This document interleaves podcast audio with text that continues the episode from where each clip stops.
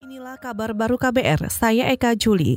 Saudara Menteri Komunikasi dan Informatika atau Menkominfo Rudiantara mengatakan pembangunan konstruksi Palapa Ring Timur akan rampung bulan ini.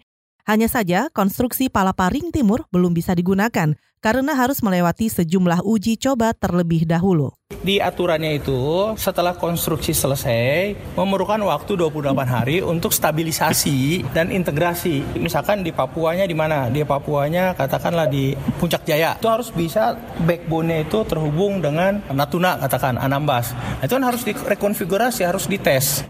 Menteri Komunikasi dan Informatika Rudiantara mengaku kesulitan pembangunan proyek Palapa Ring Timur karena terkendala akses transportasi di 28 lokasi dan terpaksa menggunakan helikopter untuk akses dan mengangkut semua peralatan untuk membangun konstruksi.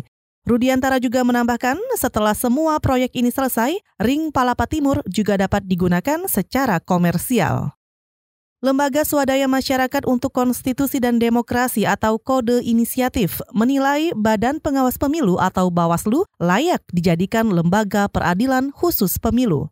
Menurut Ketua Kode Inisiatif Ferry Junaidi, kewenangan yang dimiliki Bawaslu saat ini cukup untuk modal agar lembaga ini berfungsi sebagai peradilan pemilu, seperti menangani pelanggaran pidana, administrasi, etik termasuk kewenangan soal kuasi peradilan dalam memutus pelanggaran administrasi. Kalau kita timbang-timbang dari dua kewenangan ini, mana yang paling efektif sebenarnya? Menurut saya, sebaiknya ke depan desainnya adalah sebagai peradilan khusus saja. Soal pengawasan, serahkan saja kepada publik. Jadi ada masa transisi untuk kemudian mendorong publik melakukan pengawasan dan sebagainya. Penegakan hukum misalnya diserahkan aja. Administrasi ke KPU, etik ke DKPP, pidana misalnya ada eh, penegak hukumnya sendiri. Ketua Kode Inisiatif Ferry Junaidi melanjutkan, diskusi soal peradilan khusus pemilu harusnya mulai dibangun sejak sekarang untuk membicarakan desain peradilan pemilu agar lebih tepat seperti jika kewenangan hingga di level mana akan berfungsi. Akan lebih efektif jika Bawaslu yang didorong jadi peradilan khusus pemilu daripada pemerintah membangun lembaga baru. Saudara pagi ini indeks harga saham gabungan atau IHSG dibuka menguat tipis di zona hijau Sementara nilai tukar rupiah juga dibuka melemah. Bagaimana pergerakannya?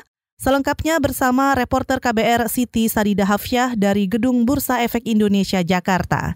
Saudara, hari ini indeks harga saham gabungan pada Bursa Efek Indonesia dibuka di zona hijau walau naik hanya 0,01 persen atau 0,71 poin di level 6.251,31 sampai 9.20 pagi tadi, pelemahan tetap terjadi, yakni turun 12,36 poin atau 0,20 persen ke level 6.238,23. Pergerakan IHSG ini dipengaruhi sentimen global akan isu perang dagang antara Amerika Serikat dan China yang tidak kunjung membaik. Beberapa investor memperkirakan perang dagang tidak akan usai dalam waktu dekat, setidaknya akan berlanjut hingga pemilu Amerika Serikat 2020.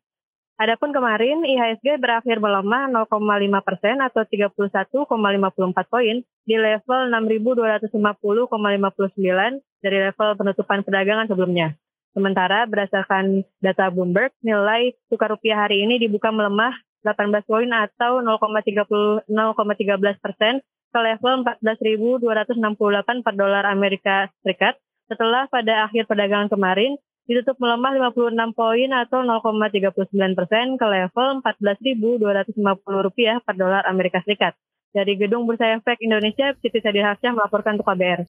Demikian kabar baru, saya Eka Juli.